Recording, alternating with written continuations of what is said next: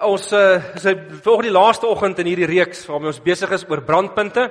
Ons begin in die begin van die jaar met die dringendheid van Markus en ehm um, Jesus wat op pad is om 'n wêreld te red wat haastig is om te gaan sterf aan die kruis en om uiteindelik op te staan om die dood uh, se rug te breek en om ons 'n nuwe perspektief te gee op die lewe.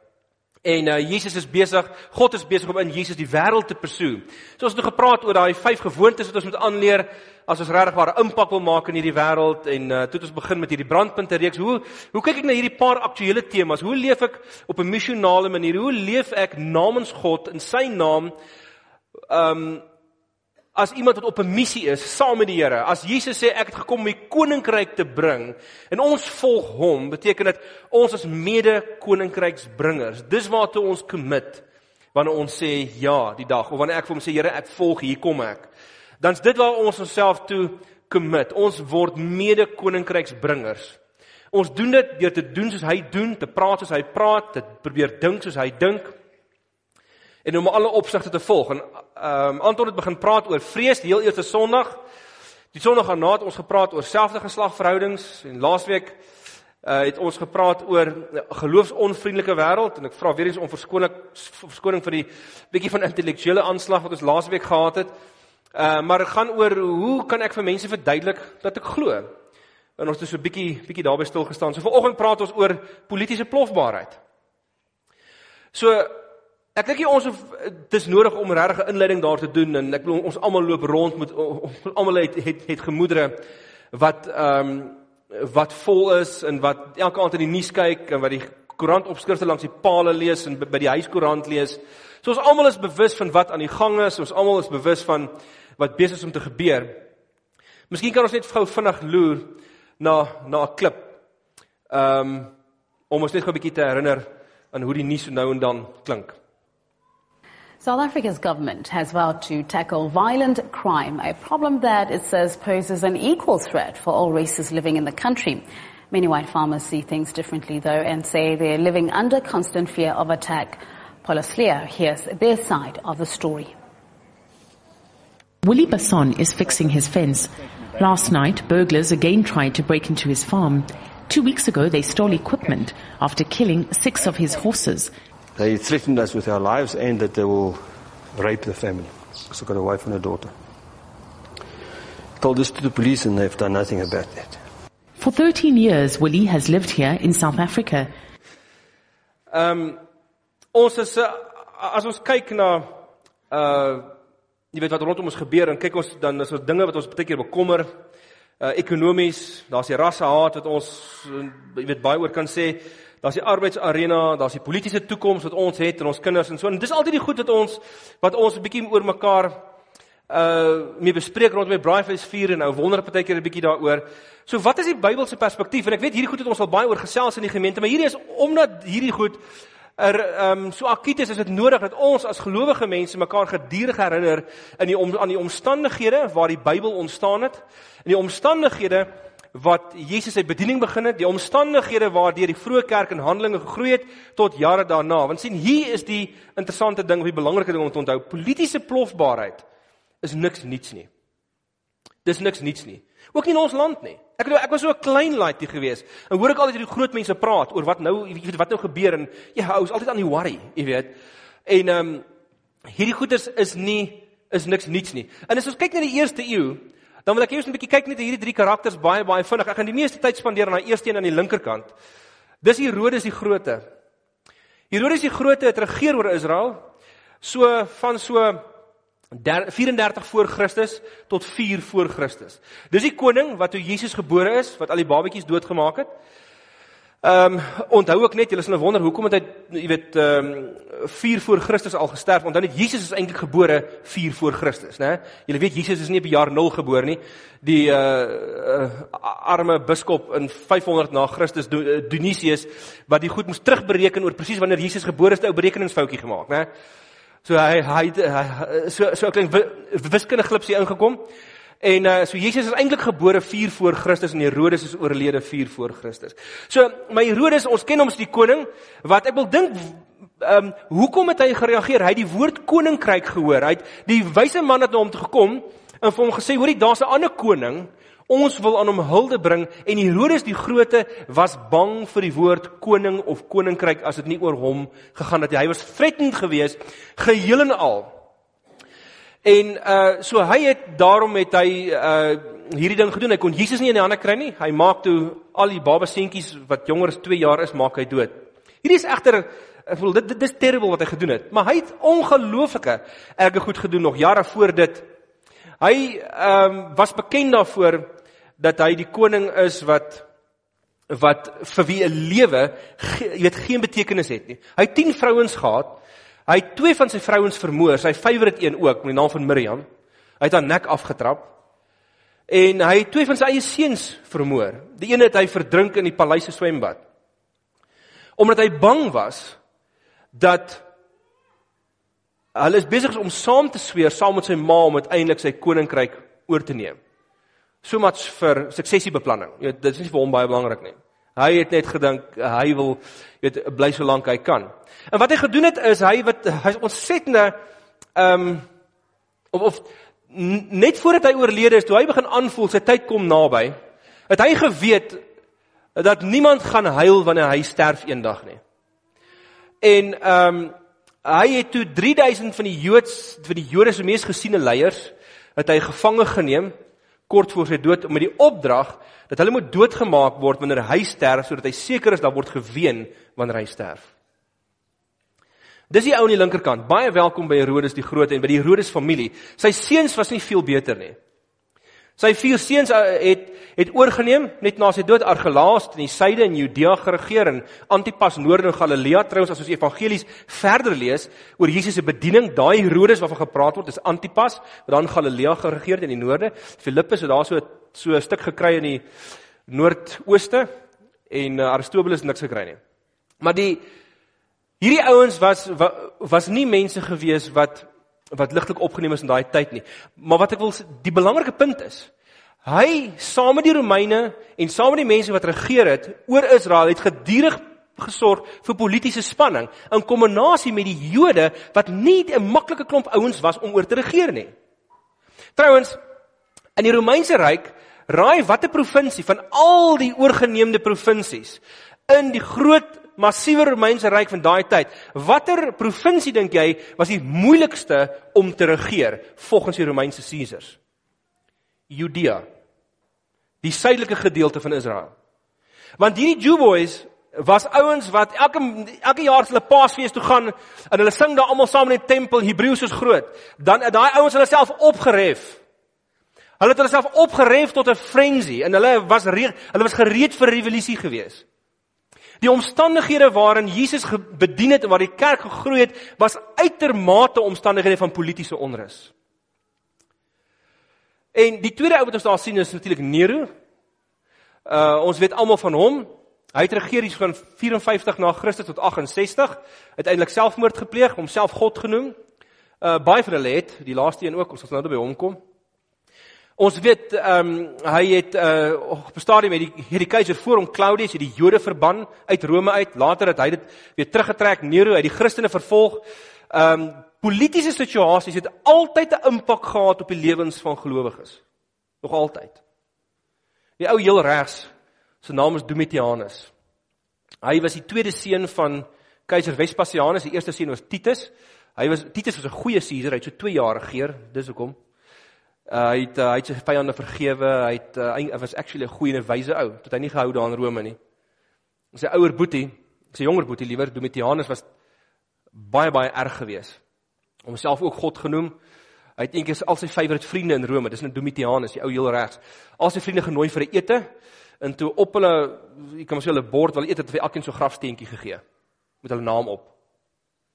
Gesê as hulle my ooit kraas, dan is dit jou voorland. Die tipe ou wat Domitianus was. En natuurlik weet ons die nou in Israel rondom die 1ste eeu, is baie interessant om te weet dat rondom die 1ste eeu was daar 12 Messias figure. Dit was nie net Jesus wat opgestaan het as die Messias nie. Daar was 12 uh ander Messias figure soos Bar Kokhba byvoorbeeld, uh, Simon Bar Jehora en 'n klomp mense en natuurlik Judas die Galileer waarvan in Handelinge 5 praat. Julle sal dit miskien almal onthou. Wat almal opgestaan het en 'n revolusie begin het. En hulle is almal gekruisig deur die Romeine. So hier is die belangrike ding. Die konteks waarin die Bybel ontstaan het, waarin die Christendom waarin ons geloof sy oorsprong gehad het, was altyd uitermate omstandighede van politieke jy weet onenigheid, korrupsie, plofbaarheid en ten spyte van hierdie feit, dis 'n interessante ding, ten spyte van hierdie feit het die Christen in die eerste 3 eeue vinniger gegroei as in al die ander tyd daarna. 200 na Christus was 80% van Klein-Asië, die hub van wat eers die hub van keiseraanbidding was, was 80% van Klein-Asië Christelik. 200 na Christus, net 200 jaar, eintlik 150 jaar as jy vat Jesus het eintlik hier so in 30 na na Christus gesterf. Ehm um, 300 jaar na Christus was 2/3 van die ganse Romeinse ryk Christene gewees. Omtrent 44 miljoen van die 77 miljoen was destyds Christene in 300 na Christus. Hoe het dit gebeur? Dit beteken dit gee ons vir ons wonderlike nuus. Dit gee vir ons ongelooflike goeie nuus want dit wys vir jou dat die Here werk ten spyte van politieke plofbaarheid. Die Here is besig om te werk ten spyte van wat gebeur. En hy's iewers hier op pad met die geskiedenis. Wat is dit wat hierdie vroeë Christene gehaat het wat gemaak het dat hulle so geweldig vinnig gegroei het?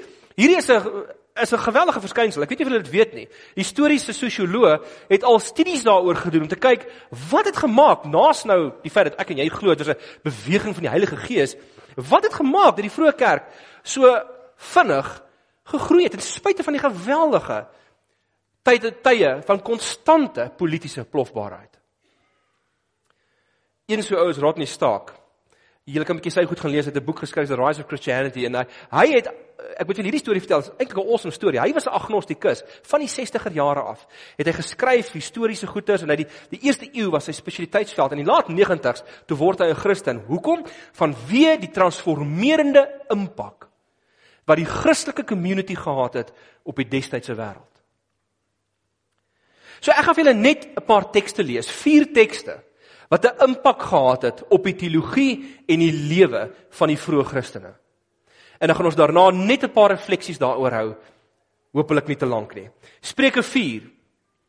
Wees veral versigtig met wat in jou hart omgaan, want dit bepaal jou hele lewe. In ander woorde, wanneer jy in politieke en tyd van politieke plofbaarheid lees, leef, is die belangrikste wat gebeur met jou is wat in jou gemoed aan die gang is. Hoe jy dit verwerk, hoe jy dink daaroor wat in jou gemoed gebeur. Ek lees net die volgende ene. Handelinge 4 is daai gedeelte waar Petrus hulle vir die Sanhedrin gelaat is en toe hulle uitgelaat en toe bid die die Christene die volgende. Sê en nou Here, kyk hoe dreig hulle dreig hulle ons. Gee dat u dienaars met volle vrymoedigheid u woord sal verkondig. Laat u hand genesing bring en laat daar tekens en wonders plaasvind deur die naam van u heilige dienaar Jesus Kolossense 3 in hierdie tyd van diversiteit in die eerste eeu skryf hy die volgende Paulus. Hy sê dis hier is nie van belang of iemand Griek of Jood is nie. Besny of nie besny nie. Andertalig, onbeskaaf, slaaf of vry nie. Hier is Christus. Alles en in almal. Hierdie is die slogan, is die lese van die vroeë kerk gewees. Die eerste een was Christus is die Here. Die tweede een was hier is Christus alles en in almal.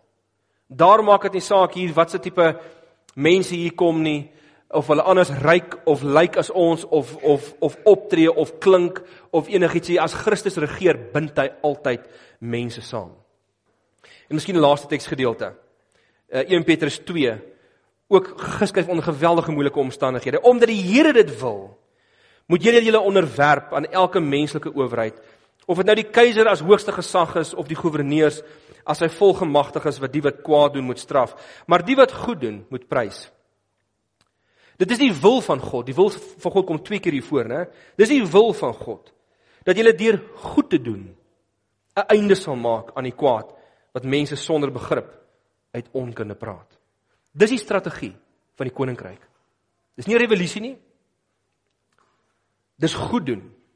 Hy sê julle is vry, Maar moenie julle vryheid gebruik as 'n dekmantel om kwaad te doen nie. Gebruik dit om God te dien. Julle moet alle mense respekteer, alle mense respekteer en julle medegelowiges lief hê. Vrees God. Eer die keiser. Ons kon nog baie gelees het. Maar hierdie is min of meer die die tekste wat die teologie dra wat die vroeë Christene geïnspireer het. En wat gemaak het hulle heeltemal anders opgetree as die res van die wêreld. Trouens, hierdie Rodney Stark wat ek julle nou van vertel het, in sy boek The Rise of Christianity, het hy gesê daar's basies 5 redes waarom die vroeë kerk so vinnig gegroei het. Ek wil net net die eerste een wil ek net gou met julle bespreek. Hy het gesê die Christene van daai tyd was radikaal anders. Radikaal anders.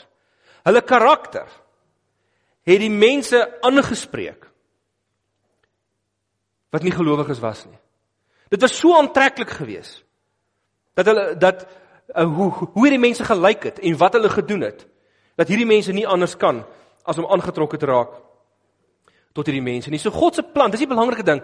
So simpatiek soos wat die Here met ons toestand is en soos wat hy ons beskerm. Dit is spite van dat hy wat dat hy elke traan saam met ons stort en elke worry voorbegrip het. Dis God se plan met ons in die eerste plek nie gemaak nie. Want ons moet hierdie wêreld verander. En mense wat die wêreld verander is nie mense wat in 'n gemaksone sit nie. Ons weet dit almal. En daarom hierdie rede is Suid-Afrika vandag een van die beste plekke om te leer hoe om Jesus te volg.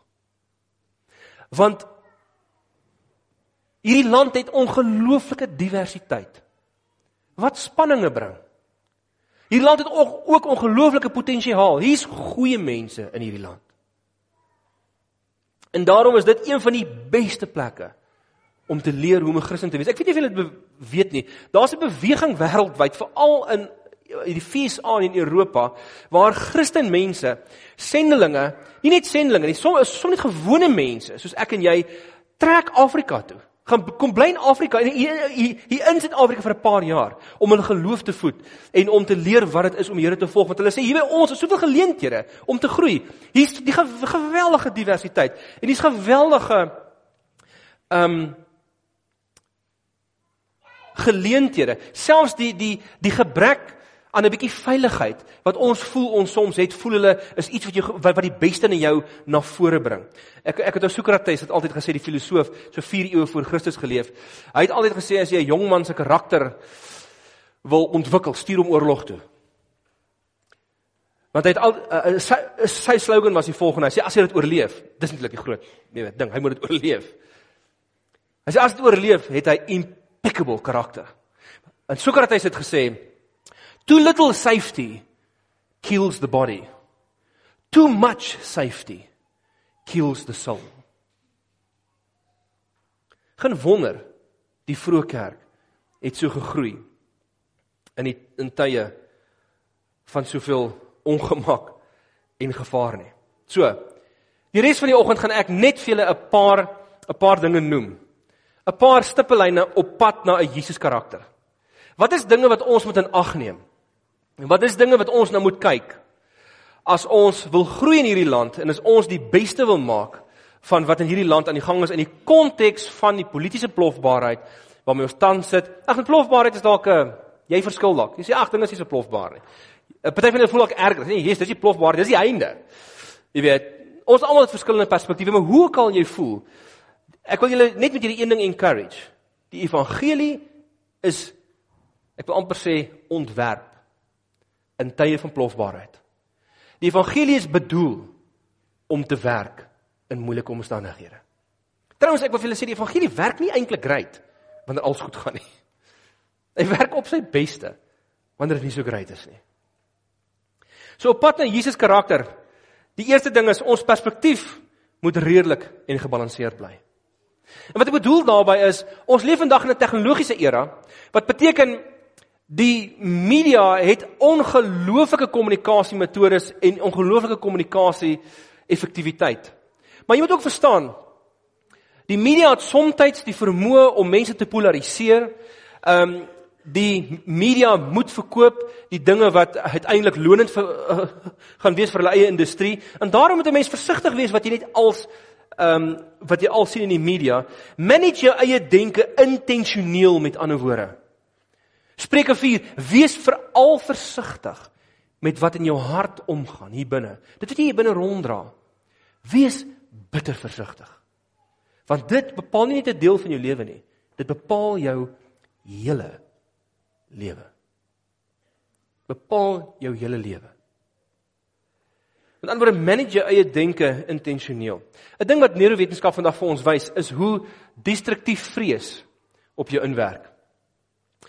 En nou geen wonder nie, ek dit het al gehoor, wat is die mees gegeewe bevel in die Bybel? Het jy al gehoor? Skryf dit uit. OK, jy lees die Bybel ek vir my nie. Daai dik boek, swart omslag gewoonlik, lees hom hoor. Moenie vrees nie. Is die mees gegeewe bevel in die Bybel. En dis my so amazing dat neurowetenskap ons nou jare na die tyd wys hoe gevaarlik dit is om die hele tyd te vrees. Nou vrees kan 'n goeie ding wees, want momentele vrees help ons om te vlug van gevare, wat help ons om dinge raak te sien wat ons lewe kan bedreig. Dit is so. Maar weet julle, daar's 'n deeltjie in jou brein, ons noem die amygdala, en hy skei sekere neurotransmitters af en hy skei hy skei sekere ensieme af, naamlik kortisol en dopamien en noradrenalien, veral in tye wanneer jy vrees dan skei hy baie van hierdie goed af. Die hippocampus is 'n ander deel van jou brein. Hy moet dit opneem. Hy is die gedeelte wat sorg vir die redelikheid in jou kop. Hy hy hy ehm um, hy onttrek die die uh, die intelligensie en die res van jou neokorteks. En hy is die een wat sorg dat jy altyd objektief bly. Maar as daai die amygdala te veel van daai ensieme afskei, dan kan die hippocampus nie alles uh opneem dan dan weerstaan hy dit en dan krimp die hippocampus. Met ander woorde hy erodeer letterlik. Jy doen letterlik dan breinskade op. Wanneer jy te veel vrees. Wat nog 'n ding wat gebeur wanneer jy aanhoudend vrees, as jy al amygdala in die heeltyd in 'n toestand is waar hy hierdie goed afskei, dan verloor die hippocampus sy vermoë om vir jou redelikheid te bring na die tafel toe. So later vrees jy alles. Selfs dinge wat nie nodig is om te vrees nie. Met ander woorde die die die dinge wat hier binne in die gang is, die goed waaroor ek en jy broei, die goed waaroor ons dink, moet ons absoluut intentioneel manage. Want die die lewe het al gewys, oor en oor en oor, wat ons gelukkig maak is nie ons eksterne omstandighede nie. Wat ons gelukkig maak is dit wat hier binne aan die gang is. En dit dis waarom dit so belangrik is dat ons wat hier binne is intentioneel moet manage. 'n Ongelooflike uh ding wat Nelson Mandela gedoen het is hulle het hom gevra hoe kon jy jy weet in die tronk sit en jy weet as gevolg van al die dinge wat jou aangedoen is en en also en hoe kon jy kies ten spyte van jou opinies oor wat gebeur het om mense te vergewe? En hy het mense verwys na die daai gedig Invictus. En hy het gesê daar's 'n frase wat hom aangespreek het. Um hy uh, uh, het gesê I am the captain of my soul I'm the captain of my soul.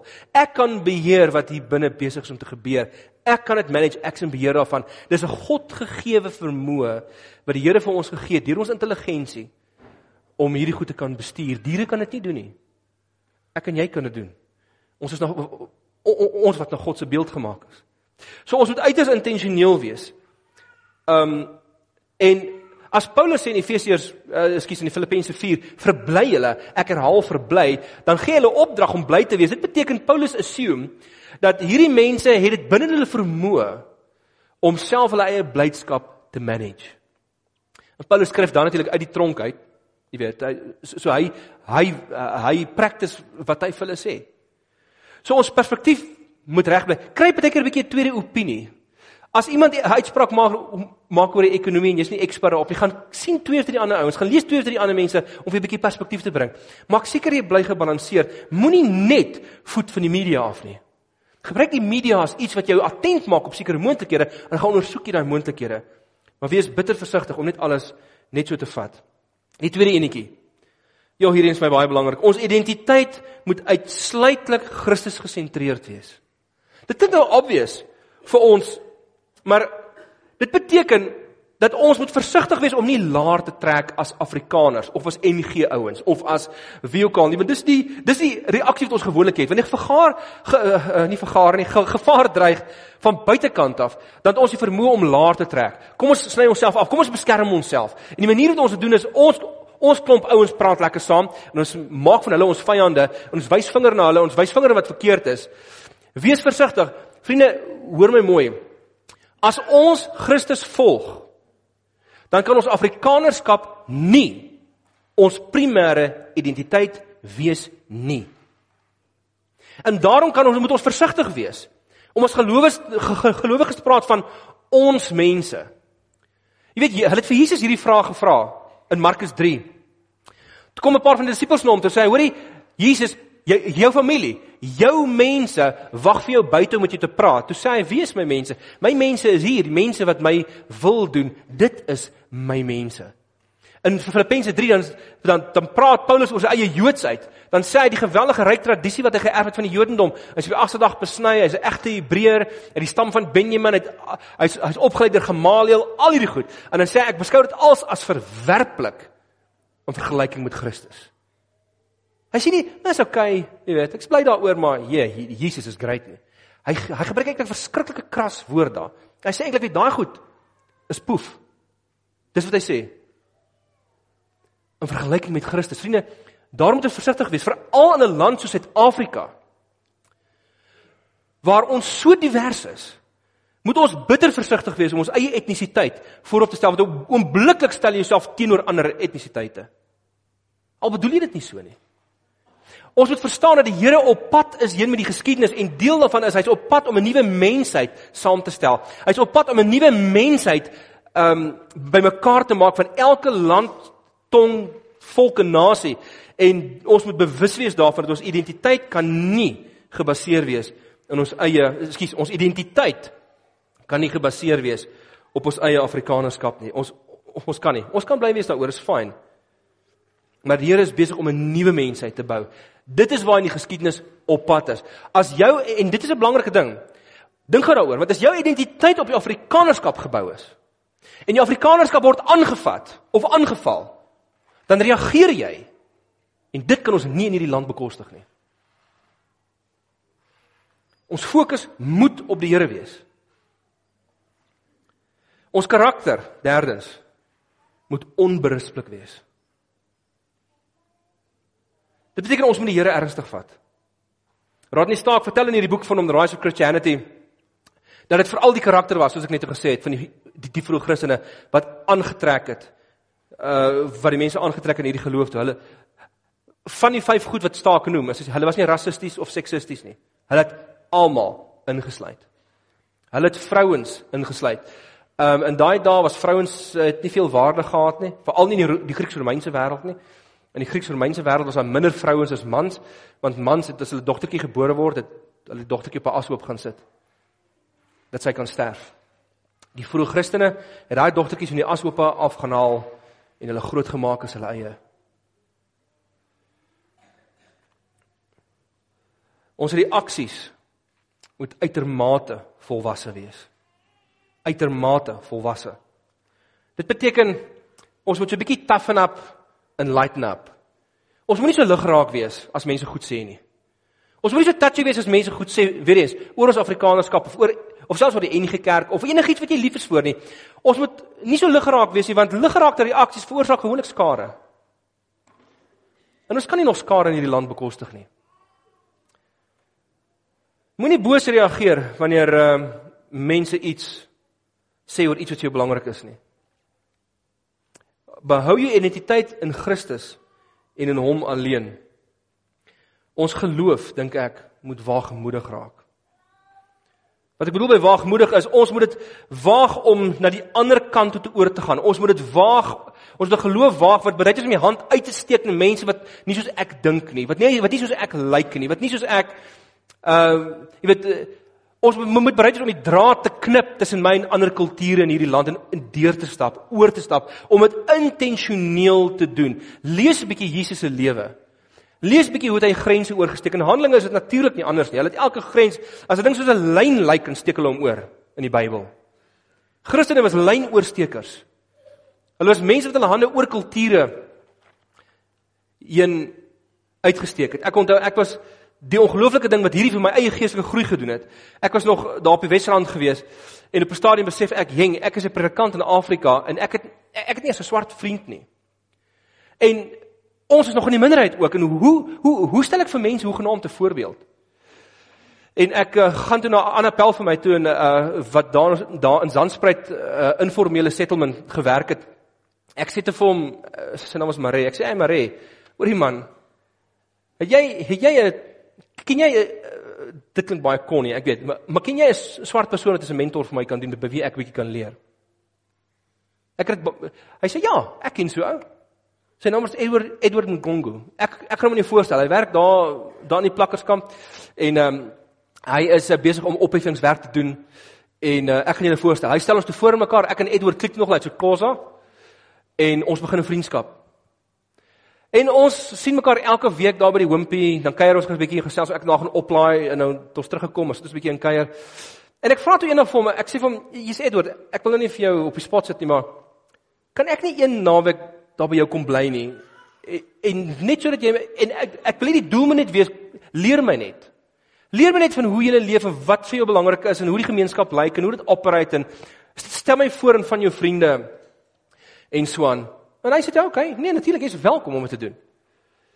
En die daai donderdag aand voor die naweek wat ons moes gaan of wat wat wat wat, wat ek sou gaan, kom ons manne groep bymekaar en twee van hulle is polisie manne. En ek sê so ek noem so casually vir hulle oor ek gaan die naweek in Zandspruit oorbly. Hulle moet asseblief net vir my bid en die twee polisie manne se oë rek net so. Sê vir sy mal. Ek sê nie wat hoe wat hoekom moet jy? Hy sê die die een nou sê van hy werk saam met 'n klomp mense wat in Zandspruit bly en hy het al vir hulle gevra of hy by hulle kan bly en het gesê nee nee nee, is te gevaarlik. Nou dink ek, taxels. Dis 'n bietjie laat om nou kop uit te trek. Jy weet ek was een van daai ouens, jy weet, ek gaan in 'n ding in en dan kom ek later agter en wonder ek, ek hoop dit was 'n Here se idee hierdie gewees.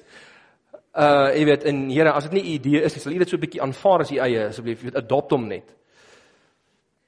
En uh In elk geval ek uh, kom toe die die Vrydagmiddag laai my vrou my af daar by Zandspruit en Edward uh, hy kry my daar en stap daar in die stiks in. En ek ek sê vir hom Edward Vertel net vir my hoe gevaarlik is dit hier? Nee. Dit is nou baie beter, sê hy. Hulle skiet nou net twee mense dood by die Shabin per naweek. Nou dis nou naweek. Ek sê hoe ver is daai Shabin van julle af?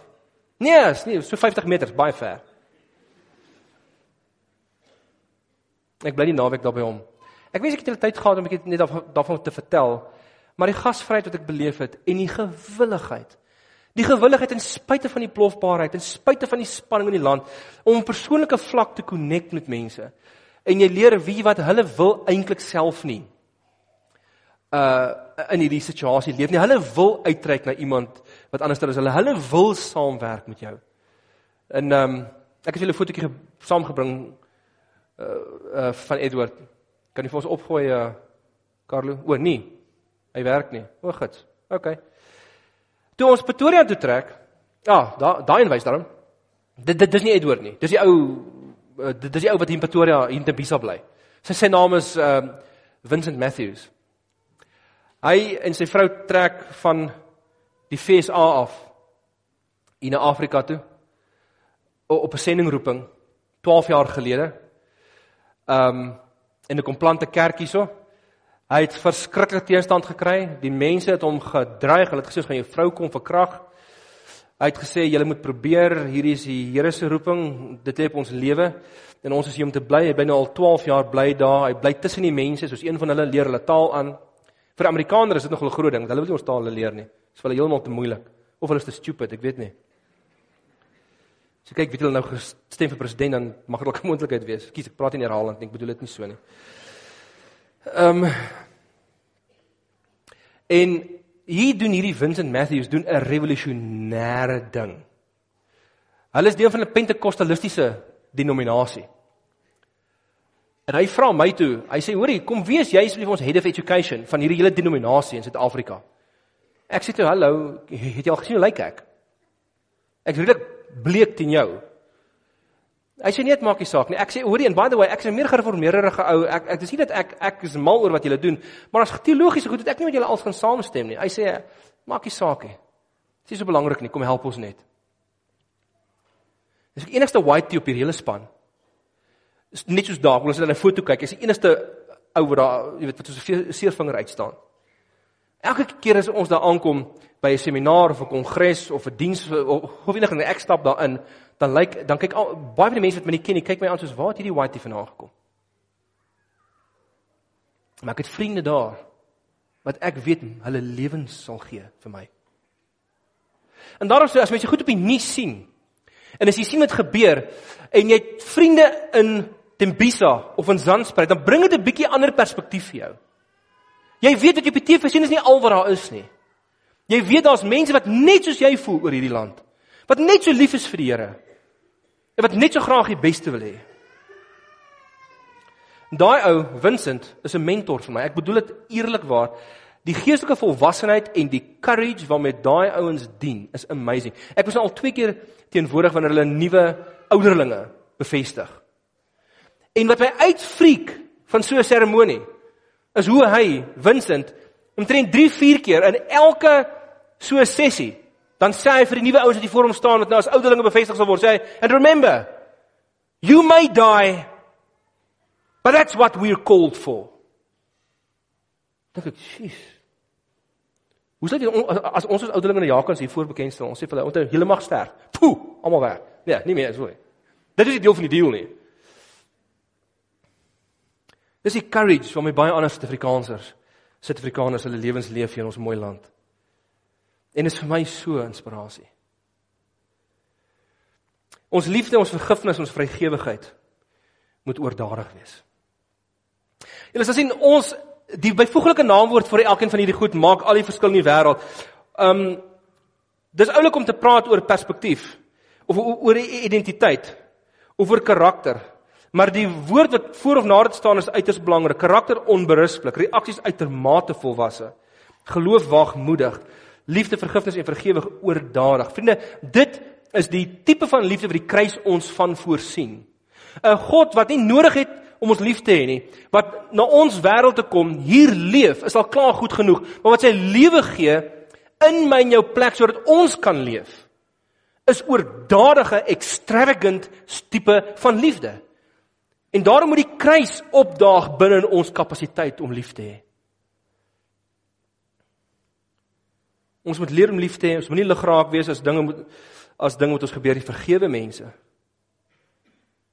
Vergewe onvolwasse optrede van mense, van die regering, van die mense om jou en leef 'n beter lewe. Ons gebede moet passievol wees. Ons moet bid vir vrymoedigheid om aan te hou sê wat gesê moet word. Ons moet bid vir vrymoedigheid om oor Jesus te praat. Ons moet bid dat die Here beskerming sal bied vir ons en vir almal in hierdie land. Ons geestelike gemeenskap in Suid-Afrika, dit beteken vir ons oosterlike gemeente moet hartlik warm en radikaal gasvry raak as ons 'n verskil wil maak. En ons moet daaroor gaan dink wat dit beteken. Ons stem moet profeties wees en ons taal opbouend. By profeties bedoel ek Ons moet steeds sê wat gesê moet word. Ons moenie stil bly oor onreg nie. Ons moenie stil bly oor dit het verkeerd wees nie. Ons moet ons moet 'n profetiese stem hê. Ons moet dit nie verloor nie. En ons verloor dit wanneer ons compromise en ons sê nie meer wat nodig is om sê te word nie. Maar die hoe ons dit sê en wat ons doen moet opbouend wees. Vir my mense wat negatief is. Ek sê vir julle ek's eerlikwaar op daai punt. Ek is ek meng nie meer met mense wat negatief is nie.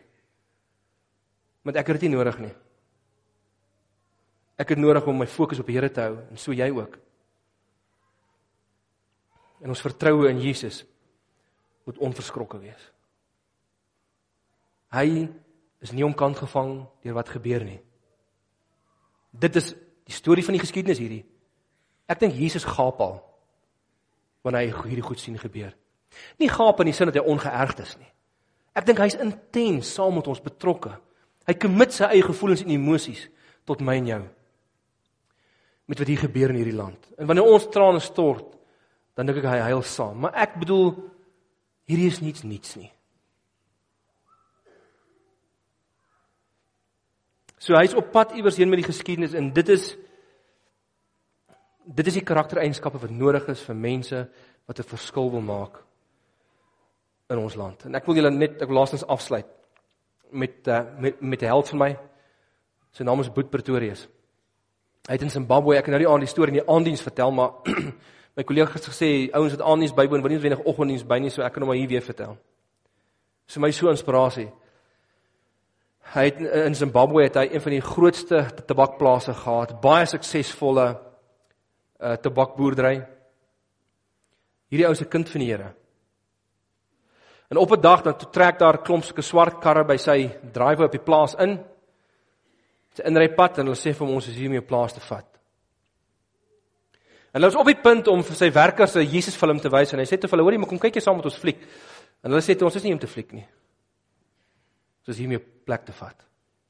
En hulle vat dit toe. En hulle stuur hom tronk toe. Hulle hy het egter besluit dat hy in die tronk gaan hy almal bevriend wat hy kan om so groot as moontlik impak te maak. Na 3 maande like hulle almal om so hulle laat hom vry. Waarheen gaan hy? Hy gaan terug na sy ou plaas toe. Hy gaan na die nuwe eienaar toe. En hy vra hom, "Kan jy boer?" En die ou gee hom so, "Nee," tipe van antwoord. En hy sê, "Wel, ek sal jou help. Aanvaar my as een van jou werkers op hierdie plaas. Geen net vir my blyplek hierso. Gee vir my kos.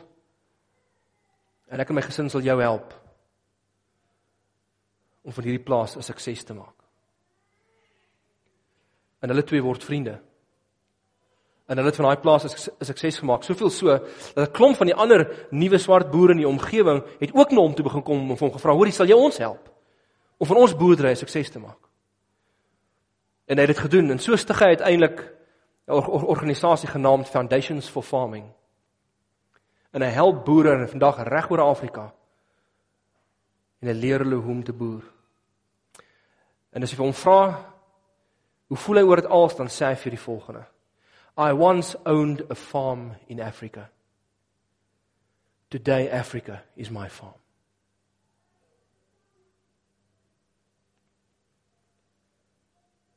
Om te vrees is nie produktief nie. Om bang te wees is nie die antwoord nie maar om karakter te ontwikkel waarmee ons kan vas staan in moeilike tye. Dit bevry ons. Dit is wat vir ons lewensgeluk bring wanneer ons ons totale identiteit in Jesus vind. So kom ons vra vir hom dat hy dit vir ons sal gee. Lewende Here.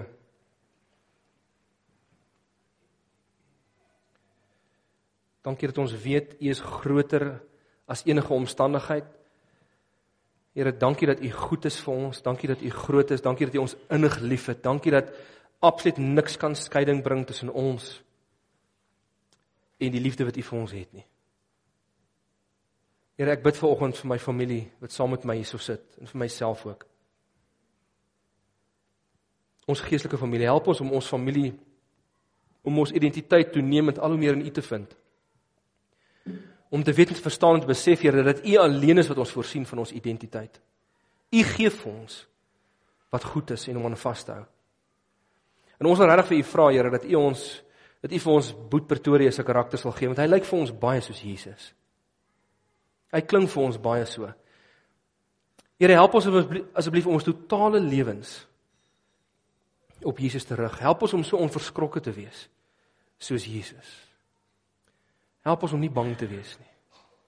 Om ons vrees oor te gee aan U en selfs dat wanneer ons soms bang is, Here, dat ons ten spyte van ons vrees die regte ding sal doen in ons geloof in U.